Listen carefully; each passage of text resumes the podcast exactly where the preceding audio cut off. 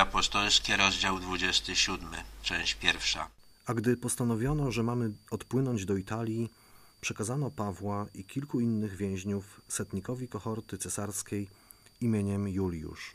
Po dwóch latach więzienia Paweł wyruszył do Rzymu. Wykorzystał prawo, które przysługiwało mu jako obywatelowi rzymskiemu i odwołał się do sądu cesarskiego.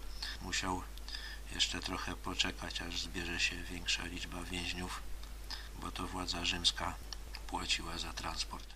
Wsiedliśmy więc na statek adramyteński, który miał płynąć do portów azjatyckich i wyruszyliśmy w drogę w towarzystwie Arystarcha, Macedończyka z Tesaloniki.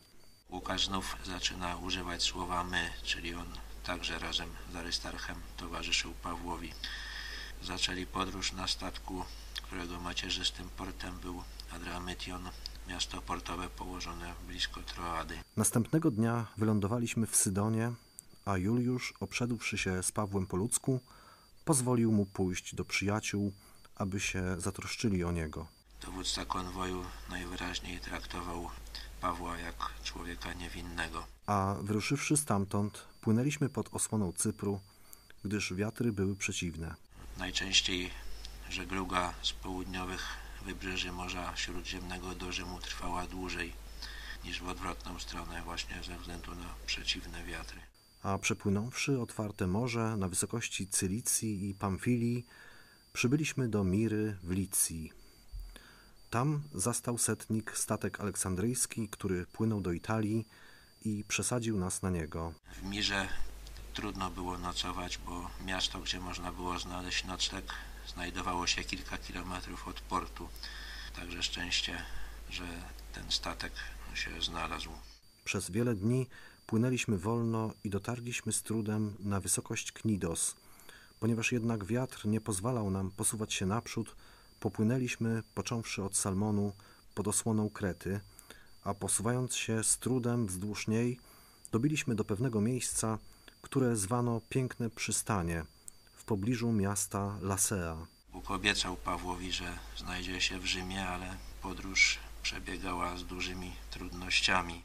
A że stracono wiele czasu i żegluga była już niebezpieczna, bo i okres postu już przeminął, ostrzegał ich Paweł, mówiąc: Mężowie, przewiduję, że dalsza żegluga będzie związana z niebezpieczeństwem i z wielką szkodą nie tylko dla towaru i statku, ale i dla naszego życia.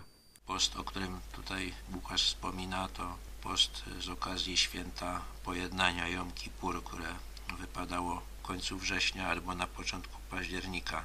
Zaczynał się już sezon jesiennych burz i żegluga była niebezpieczna. Paweł wiedział o tym i chyba też miał natchnienie od Ducha Świętego, że nie, nie będzie ta dalsza podróż dobrym pomysłem. Lecz setnik zważał raczej na sternika i właściciela statku, niż na to, co Paweł mówił. Ponieważ zaś przystań nie nadawała się do przezimowania, większość uradziła wyruszyć stąd w drogę i dostać się jakoś do Feniksu, przystani na Krecie, otwartej na południowo-zachodnią i północno-zachodnią stronę i tam przezimować.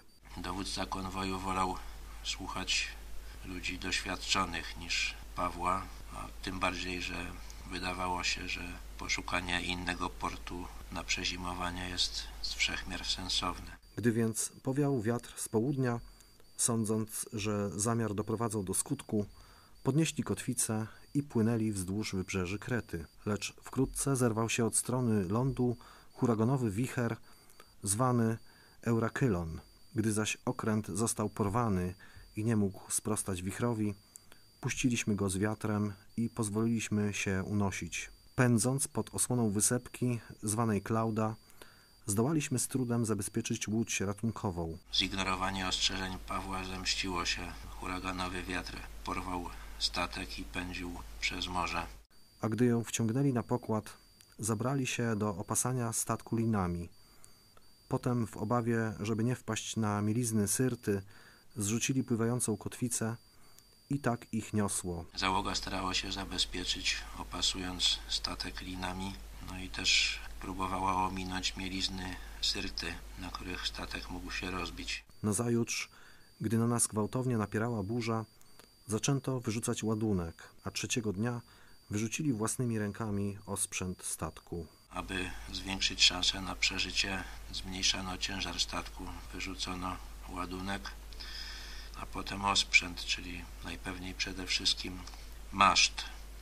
Robiono zwykle to w ostateczności. Gdy zaś przez wiele dni nie ukazało się ani słońce, ani gwiazdy, a burza szalała z nie mniejszą siłą, wszelka nadzieja ocalenia zaczęła w końcu znikać.